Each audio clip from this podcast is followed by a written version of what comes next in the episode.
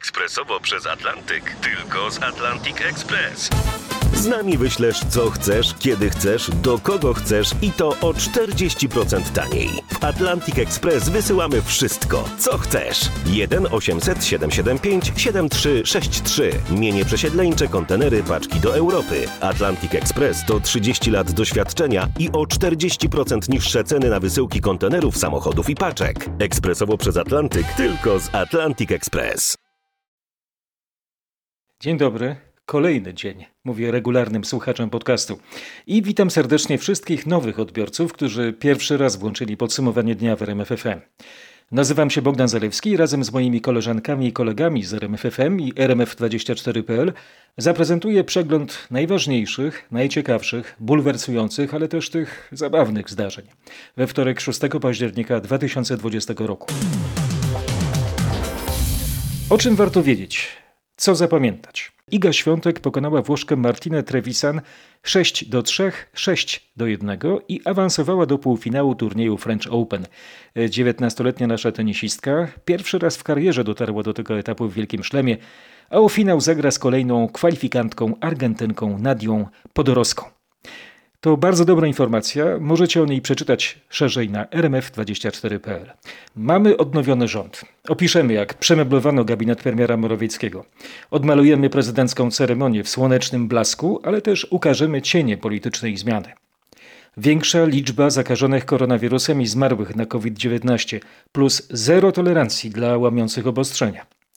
System służby zdrowia zaczyna odczuwać poważne problemy. Pandemia wywołuje kryzys w innych medycznych dziedzinach. Triumfalny powrót prezydenta Trumpa ze szpitala i do polityki. Nobel z fizyki ogłoszony. Nakreślimy sylwetki laureatów.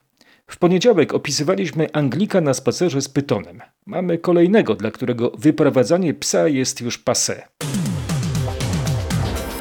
Wtorkowy ranek w faktach stał pod znakiem czasomierza. Oto, by nie stanęły zegarki w oczekiwaniu na ceremonię powołania nowego rządu, zadbał gość Roberta Mazurka w porannej rozmowie w RMFFM. Był nim Radosław Fogiel, wicerzecznik Prawa i Sprawiedliwości. Synchronizujmy zegarki. E, przepraszam, zawsze chciałem to powiedzieć. Dzisiaj o 14 mam nadzieję, że żadne nowe informacje do nas nie dotrą, e, które by sprawiły, że to się przełoży. No oczywiście zaprzysiężenie w takim zakresie, w jakim to jest realne. No, pan to znaczy, że nie będzie Jacka Sasina, bo jest na kwarantannie, czwartej zresztą. Panie, e, panie premierze, życzymy tak, rychłego zakończenia kwarantanny. Nie. No i nie będzie, jak rozumiem, Przemysława Czarnka, który jest e, zakażony koronawirusem, prawda? Tak, nie będzie też e, Michała Dworczyka, szefa kancelarii premiera, który też jest na e, kwarantannie. E, no niestety, no tutaj będzie to musiało się odbyć e, nieco później. Opisywał Radosław Fogiel okoliczności przełożonego z poniedziałku powołania nowego rządu przez prezydenta. Wicerzecznik PiS sam z własnej inicjatywy udał się na domową kwarantannę. Wraz z marszałkiem Piotrem Zgorzelskim z Polskiego Stronnictwa Ludowego Fogiel był gościem niedzielnego programu. W poniedziałek okazało się, że Zgorzelski ma koronawirusa. Odcinam się na najbliższe dni, żeby potencjalnie nie zarażać, wyjaśnił poranny gość Roberta Mazurka. Zobaczcie zapis tej rozmowy na wideo. Radosław Fogiel na ścianie w swoim pokoju ma filmowy plakat z Janosikiem wywijającym ciupagą. To dobry patron dla nas. Ciupagą w koronawirusa. Ale przed nami Wunderwaffe, cudowna broń w nowym rządowym arsenale. Obecność w rządzie samego marszałka, jak nazywany jest Jarosław Kaczyński. Prezes PiS wicepremierem. Wicepremierami są także Jarosław Gowin, Piotr Gliński i Jacek Sasin. Andrzej Duda w czasie popołudniowej ceremonii powołania rządu w skąpanych w słońcu ogrodach Pałacu Prezydenckiego wprost promieniał aby taka właśnie piękna pogoda przyświecała Polsce, polskiemu społeczeństwu na ten cały czas najbliższych lat urzędowania. Słońce ma świecić rządowi, my naświetlimy nową sytuację w obozie władzy. Pełną listę nazwisk w rządzie znajdziecie na rmf24.pl. Powiem tylko w skrócie, że premier Mateusz Morawiecki dostał tymczasowo nową funkcję ministra cyfryzacji do czasu likwidacji resortu. Minister kultury Piotr Gliński otrzymał dodatkową funkcję ministra sportu. Kolejna nowość to Jarosław Gowin, który po pół roku przerwy wrócił do rządu. Tym razem na stanowisko wicepremiera, ministra rozwoju, pracy i technologii. Poza tym awansują minister finansów Tadeusz Kościński, który przejmuje także resort funduszy europejskich oraz minister klimatu Michał Kurtyka, który dostaje także resort środowiska. W skład rządu wchodzi również Grzegorz Puda jako nowy minister rolnictwa. To ludzie, którzy wchodzą do gabinetu Morawieckiego. Krzysztof Berenda wymieni nazwiska tych, którzy sprzątają po sobie ministerialne biurka. Najbardziej znane nazwisko to Jadwiga Emilewicz. Ona była wicepremierem, ministrem rozwoju. Z rządu została usunięta tylko po to, żeby zrobić miejsce dla Jarosława Gowina. Z Rady Ministrów usunięty został także Marek Grubarczyk, czyli minister gospodarki morskiej i żeglugi śródlądowej. To jest człowiek, który odpowiadał na przykład za przekop Mierzei Wiślanej, a teraz mm, ta kompetencja zostanie przejęta przez Ministerstwo Infrastruktury. Kolejne znikające nazwisko to Danuta Dmowska-Andrzejuk, czyli była już minister sportu, której resort wejdzie teraz do Ministerstwa Kultury. Ten sam ROS spotyka Ministerstwo Funduszy Europejskich Małgorzaty Jarosińskiej-Jedynak, które będzie włączone do resortu finansów. Z rządu odchodzą także minister rolnictwa Jan Krzysztof Ardanowski oraz minister cyfryzacji Marek Zagórski. Mm, Funkcję ministra cyfryzacji tymczasowo przejmuje teraz premier do czasu likwidacji resortu. Tomasz Skory przeanalizował konstrukcję nowego gabinetu. Jak to tam wszystko jest teraz poukładane? Wziął pod uwagę deklarowany przez rządzących cel zmian. Miało być mniej stanowisk. Do tej pory było ich ponad 100. Na pierwszy rzut oka rząd się skurczy.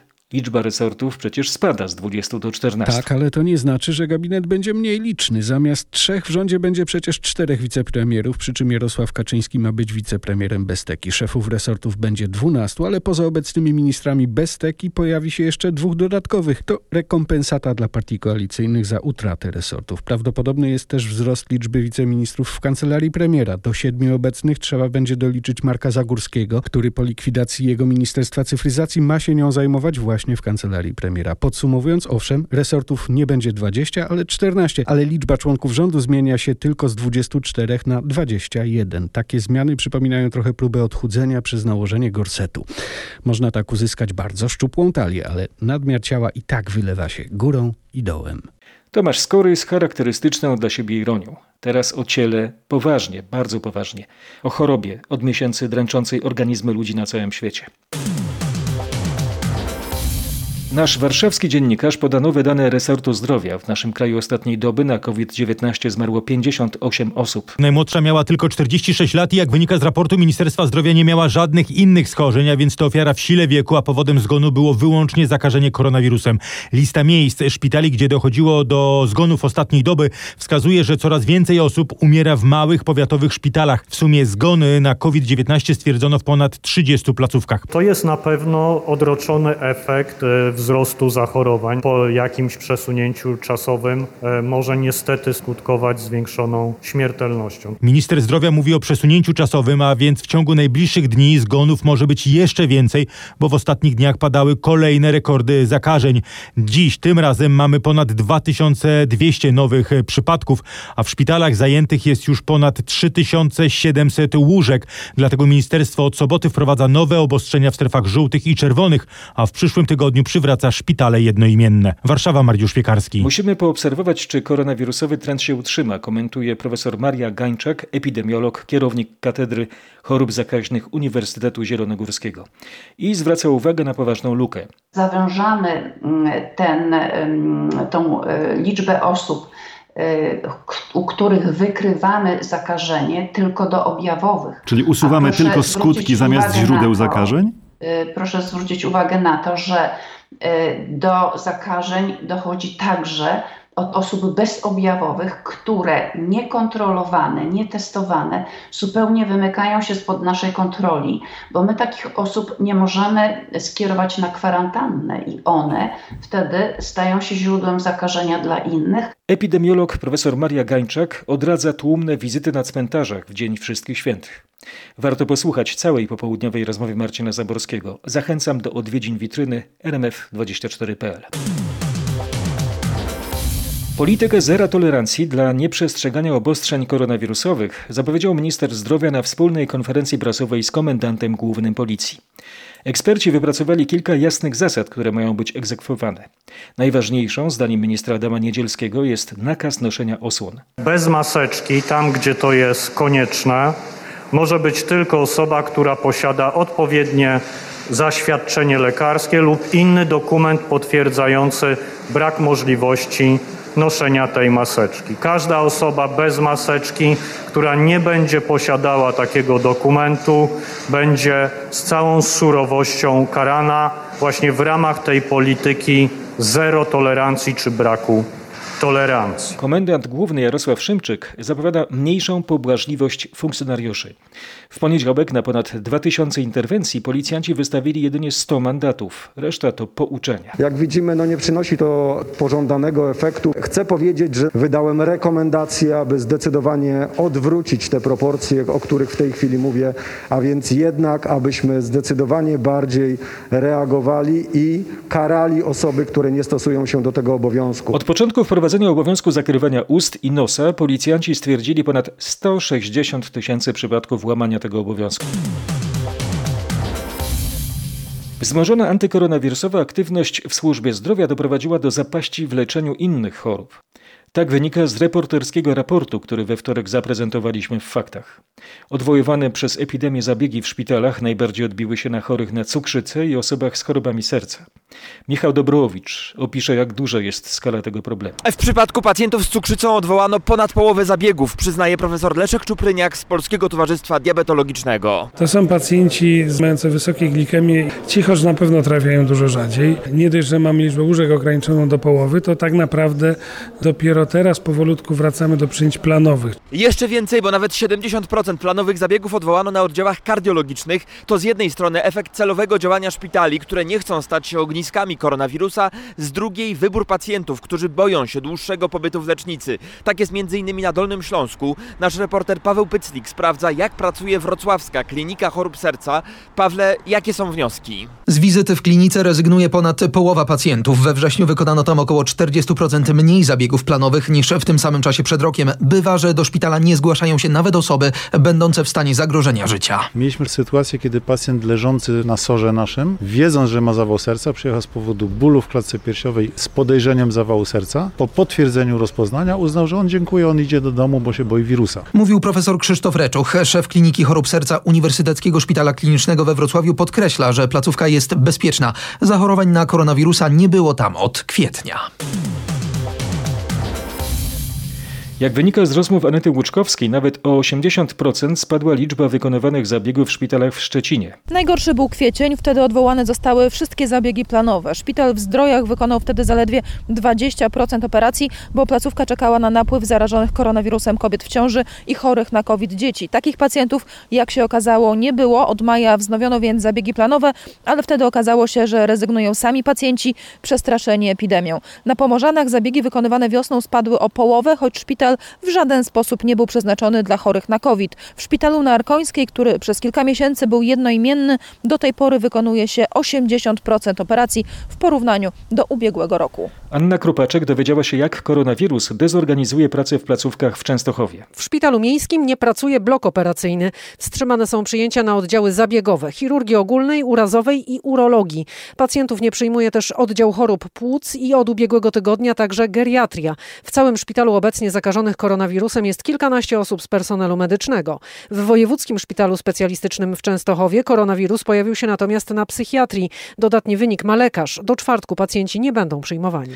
Oto sytuacja w Warmińsko-Mazurskiem. W podsumowaniu dnia Piotr Bułakowski. Większość szpitali realizuje zaplanowane zabiegi na poziomie podobnym jak sprzed epidemii, ale jak usłyszałem od szefa warmińsko-mazurskiego sanepidu Janusza Dzisko, problem jest w placówkach, gdzie potwierdzono zakażenie koronawirusem. Mamy trudną sytuację w szpitalu MSWiA, w Olsztynie mamy taką sytuację w Mrągowie, mamy w Działdowie, niepokojąca sytuacja jest również w szpitalu w Iławie. Sytuacja w tych szpitalach jest dynamiczna, pacjenci na bieżąco są informowani o ewentualnych przesunięciach zabiegów.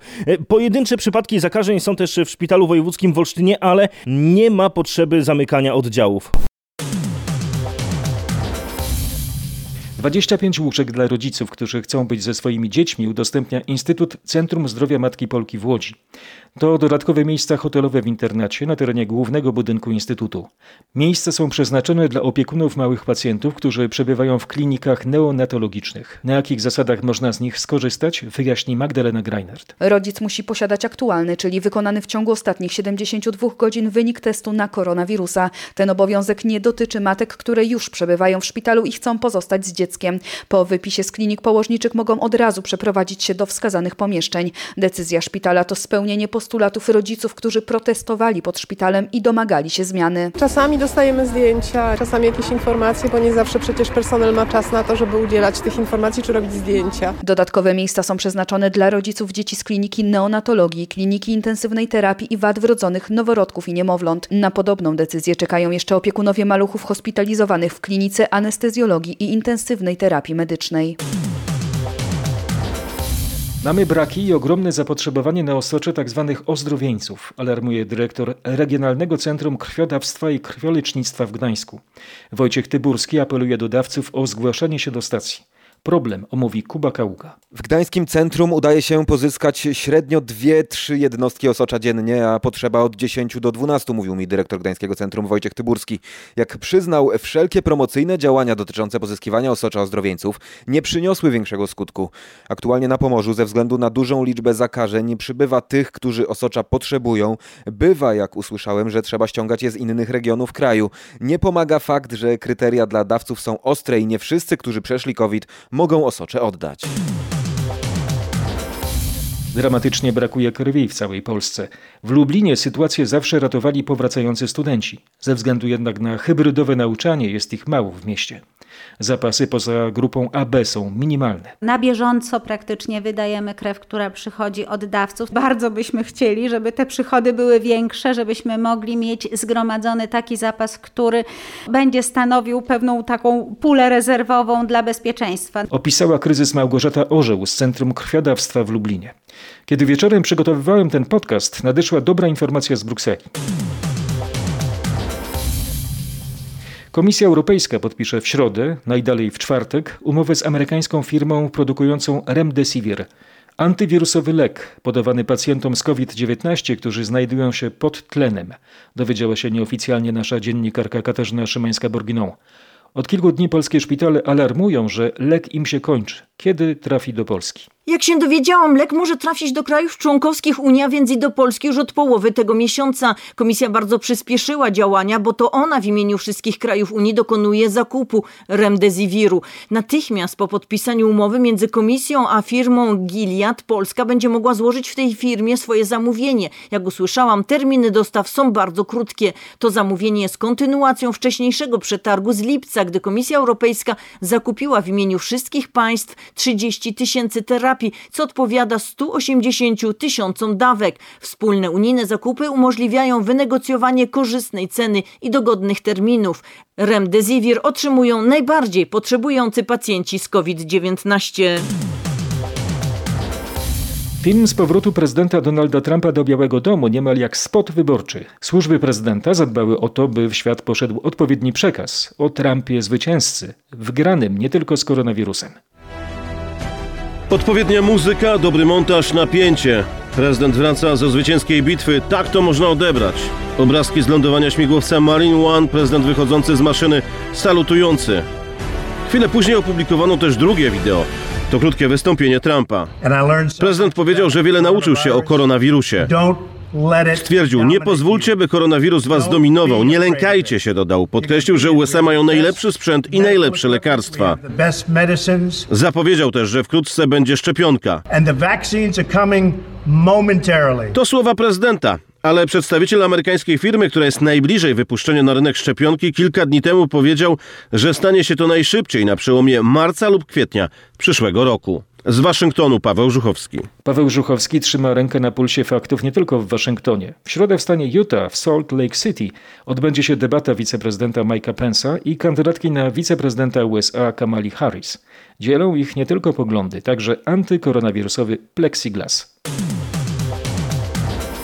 Znów problem ze ściekami w Wiśle w Warszawie. Przestały działać tymczasowe kolektory położone na moście pontonowym po kolejnej awarii systemu przesyłowego w oczyszczalni Czajka. Paweł Balinowski zna szczegóły. Dlaczego nastąpiła ta przerwa? Powodem są wczorajsze bardzo intensywne opady deszczu w stolicy. Naniosły one do kanalizacji duże ilości śmieci, które zapchały część rur. Zadziałały procedury awaryjne i tymczasowe kolektory o mniejszej przepustowości niż główne zostały wyłączone. Obecnie trwa udrażnianie zablokowanych instalacji. Jedna nitka rurociągu na moście pontonowym już działa, kolejna powinna ruszyć w najbliższym czasie. Pod koniec września ostrzegał przed fatalnym scenariuszem prezes Państwowego Gospodarstwa Wodnego Wody Polskie. Jedna nitka rurociągu, którą pod dnem Wisły mają być przesyłane nieczystości z lewobrzeżnej Warszawy do oczyszczalni Czajka, będzie miała zbyt niską wydajność. Część nieoczyszczonych ścieków trafi do Wisły ocenił Przemysław Daca.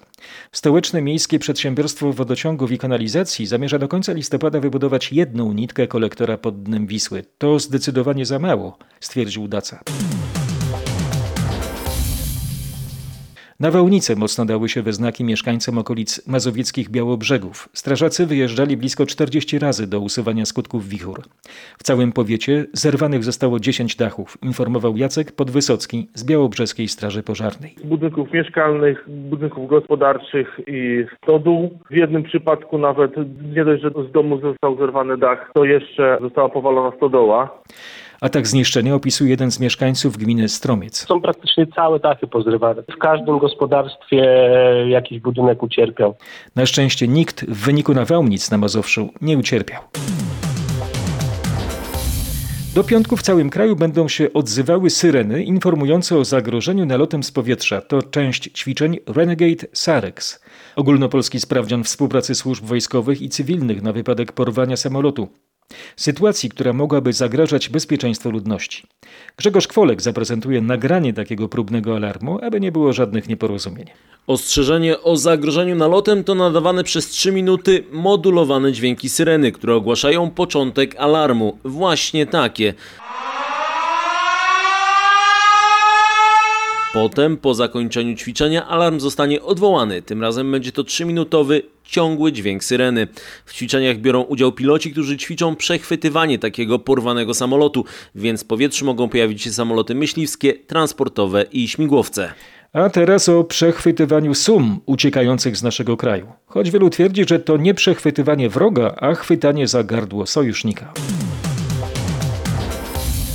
Toczy się ostra walka o zmiany podatkowe dotyczące kilkudziesięciu tysięcy spółek komandytowych. Michał Dzieniński przypomina, że rząd planuje obłożenie tych spółek podatkiem dla firm. Tak jest, bo na razie w spółkach komandytowych to wspólnicy rozliczają się osobno, a według Ministerstwa Finansów część takich firm służy do wyprowadzania zysków z Polski. Rzeczywiście w kancelariach prawnych nie trudno znaleźć oferty założenia takiej spółki komandytowej, w której jeden ze wspólników rejestruje się w raju podatkowym. Resort szacuje, że obecne przepisy stanowią dziurę, przez którą wypływają co roku 2 miliardy złotych niezapłaconych podatków. Ale organizacje przedsiębiorców mocno protestują. Najnowszy taki protest wystosowała Federacja Przedsiębiorców Polskich, która wskazuje, że większość spółek komandytowych jest tworzona przez małych i średnich przedsiębiorców, którzy chcą uczciwie płacić podatki. Spór może być kolejnym problemem w odnowionym dziś rządzie Zjednoczonej Prawicy. Według nieoficjalnych informacji Porozumienie i Solidarna Polska sprzeciwiają się już tym zmianom. A teraz czarna dziura nie w kasie, a w kosmosie.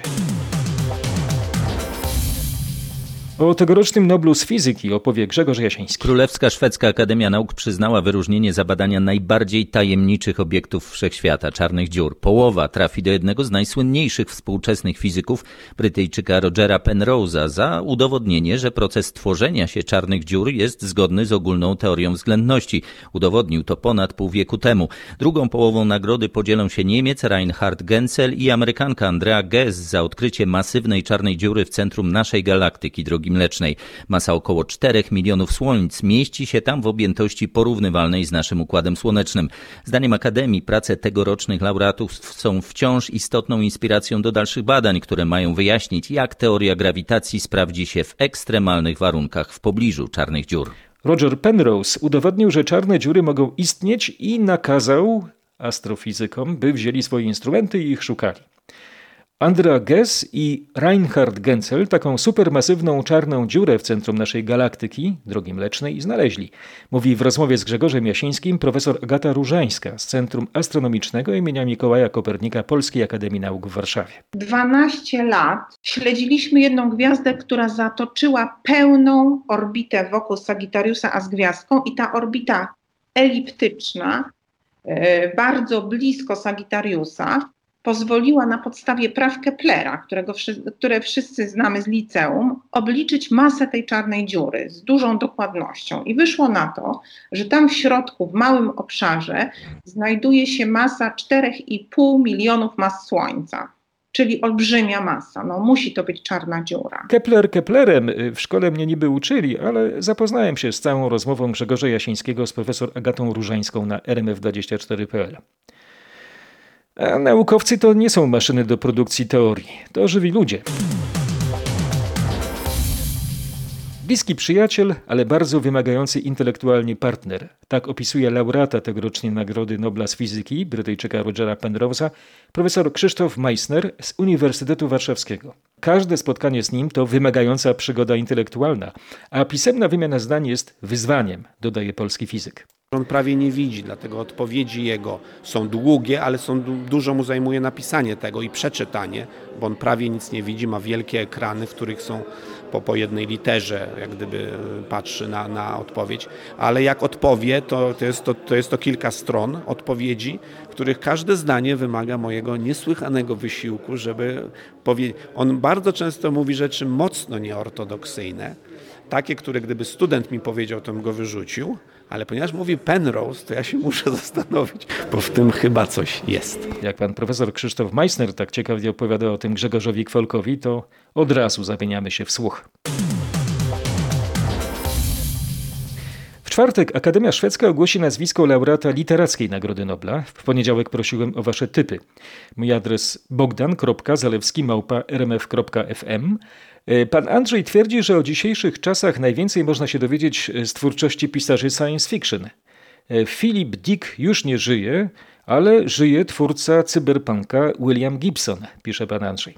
Ciekawy punkt widzenia. Podzielam tę opinię. Późnym wieczorem nadeszła bardzo smutna informacja dla fanów muzyki. Zmarł Eddie Van Halen. Gitarzysta legendarnego zespołu hard rockowego Van Halen był chory na raka. O jego śmierci poinformował syn muzyka Wolf Van Halen. Eddie grupę Van Halen założył w 1971 roku. Do największych hitów zespołu należą utwory Can't Stop Loving You czy Jump.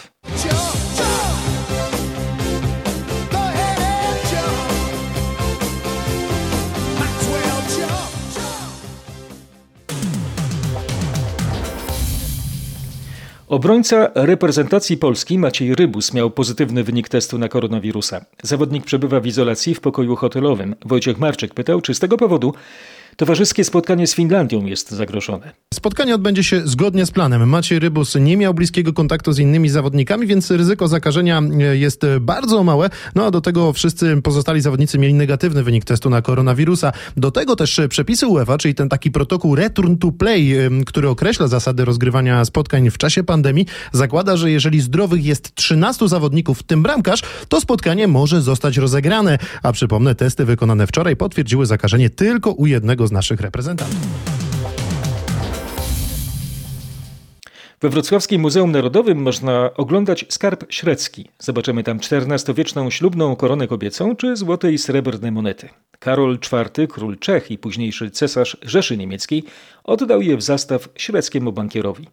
Zostały odnalezione przez przypadek w latach 80. XX wieku w Środzie Śląskiej niedaleko Wrocławia. Podczas prac rozbiórkowych i później budowlanych po prostu koparka uderzyła łyżką w ścianę dawnej piwnicy. W 1985 roku po raz pierwszy znaleziono tam dużą ilość monet srebrnych, natomiast nie przeszukano wtedy zbyt dokładnie tego całego terenu. W 1988 ponownie przy kontynuowanych pracach budowlanych e, sypnęły się srebrne monety, ale tym razem były też klejnoty. Przedmioty zostały wraz z gruzem z budowy wywiezione na podmiejskie wysypisko.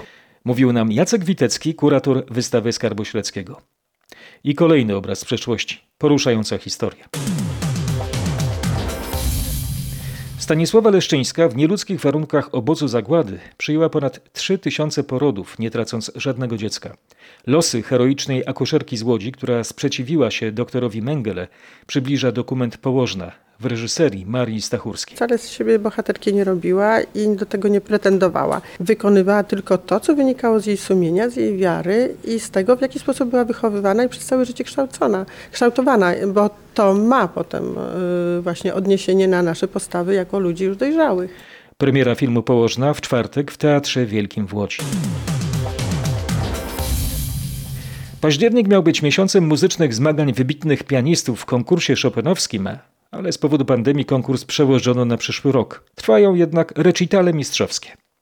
Czułą strunę poruszy w nas Katarzyna Sobiechowska-Szuchta. Do 19 października wybitni pianiści znani z poprzednich edycji konkursu chopinowskiego występować będą w Warszawie. Mistrzowskie recitale i koncerty kameralne odbywają się pod tytułem Przed Wielkim Konkursem.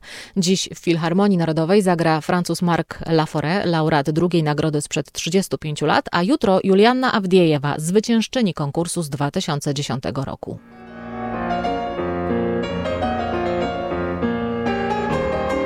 Tak Rosjanka gra słynnego poloneza Chopina. Wystąpią też Gabriela Montero, Kate Liu oraz znakomity fiński pianista Oli Mustonen.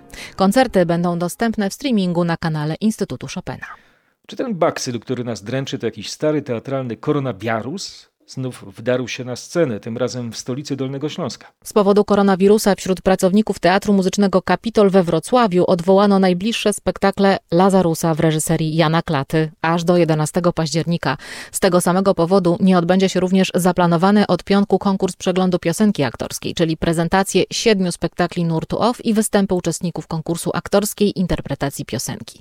To wydarzenie zostało przeniesione na marzec przyszłego roku. Aby to dla koronawirusa było w marcu jak w garncu. Niech mu natura urządzi piekło. Ale w podcaście mamy jeszcze zimowy pejzaż. Zaginiony w czasie II wojny światowej obraz Chata w śniegu Michała Gorstkina-Wywiórskiego trafił do Muzeum Narodowego w Poznaniu. Dzieło odzyskano po tym, jak w maju ubiegłego roku ktoś próbował je sprzedać na aukcji. Rejestr zaginionych dzieł sztuki, naszych strat wojennych to ponad 60 tysięcy obiektów. Katarzyna opowie nam teraz o legendarnym wydarzeniu. Stołeczny Teatr Lalka ruszył z internetowym cyklem Legendy Warszawskie. Na stronie internetowej oraz na kanałach teatru widzowie w każdym wieku mogą obejrzeć kolejne odcinki bezpłatnie. Już teraz dostępne są dwa spektakle Syrena i Kościół Panny Marii. Reżyseruje Jarosław Kilian, muzykę napisał Grzegorz Turnał. Od Warszawy ku Gdańskowi można niemi szlak wymościć. Więc bogactwa młynarzowi mógłby książę pozazdrościć. Kolejne odcinki legend pojawią się jeszcze w tym miesiącu. W Krakowie nowy przychodzi do starego. Reżyser i pedagog Waldemar Raźniak już oficjalnie będzie nowym dyrektorem Narodowego Starego Teatru w Krakowie. 23 września z funkcji dyrektora teatru odwołany został Marek Mikos, który pełnił tę funkcję od trzech lat. Stary Teatr kontynuuje ustalony wcześniej program artystyczny na nowy sezon. To nowy kucharz strawy duchowej w Krakowie. Oto niebo w gębie. Niebo dla podniebienia. Smakowite zapachy w pasażu Schillera w Łodzi. W tym wielkim kotle 500, no około 500 litrów e, gotuje się wywar na zupę pho. Wietnamska oryginalna zupa pho z, z kurczakiem. Jak taka zupa e, powinna wyglądać? Jakie składniki tam są w środku? Tam są grywane imbiry, cebuli, anyż, cynamon, goździk. Kogo będziecie Panie częstowały? Rozdajemy tę zupę z okazji obchodzenia Światowych Dni w Głodu. Dlatego każdy, kto będzie chciał, w tym nawet najbardziej potrzebujący, będą mogli podejść i spróbować na miski naszej ciepłej zupy. Z Lili i Katarzyną, wolontariuszkami gotującymi i częstującymi zupą, rozmawiała nasza reporterka Magdalena Greinert. Teraz o gęsiach, ale nie w postaci gęsiny. Media na Wyspach donoszą o niezwykłym związku uczuciowym człowieka i dwóch ptaków. O tej miłości Bogdan Frymorgan. Niejaki Sven Kirby zakupił parę gęsi na początku pandemii. Wychodzi z nimi na spacery i do pubu. By uniknąć nieporozumienia z właścicielem, ubiera je nawet w specjalnie importowane ze Stanów Zjednoczonych jednorazowe pieluszki. 34-letni Brytyjczyk zakupił ptaki, gdy były jeszcze pisklętami. Nic dziwnego, że traktują go jak rodzica. Cała trójka widywana jest często na ulicach Leeds. Chodzą zawsze i wszędzie razem. Oczywiście gęsiego. My Polacy nie gęsi, a pytony mamy. I to królewskie. Taki gad znaleziony w toalecie jednego z poznańskich hoteli trafił w ręce Straży Ochrony Zwierząt. W miniony weekend pytona królewskiego odłowili strażnicy miejscy. Mateusz Chłyston przeprowadził dochodzenie o pełzaniu. Jak gad się tam znalazł? I czy ktoś w ogóle chciał o tym gadać? Tego nie potrafi wyjaśnić ani obsługa obiektu, ani strażnicy miejscy, którzy udali się do hotelu, by zabezpieczyć zwierzę. Cała akcja, jak informują funkcjonariusze, przebiegała bardzo sprawnie. Patrol, który pojechał na miejsce, był wcześniej szkolony, jeśli chodzi o wyłapywanie niewielkich, egzotycznych zwierząt. Niewykluczone, że pyton królewski znaleziony w hotelu to uciekinier z przydomowego terrarium. To jeden z mniejszych przedstawicieli rodziny pytonów. Jest dość popularny wśród miłośników egzotycznych zwierząt ze względu na ciekawe ubarwienie i łatwość hodowli. Ciekawe, czy pyton w hotelowej łazience, gdzie go znaleziono, zaprzyjaźnił się z wężem prusznica. No ale dość skojarzeń, żeby podcast nie zamienił się w mój strumień świadomości. Bogdan Zerewski, dziękuję za uwagę. Jutro też jest dzień. Omówimy dla Was wydarzenia w środę. Bądźcie zdrowi.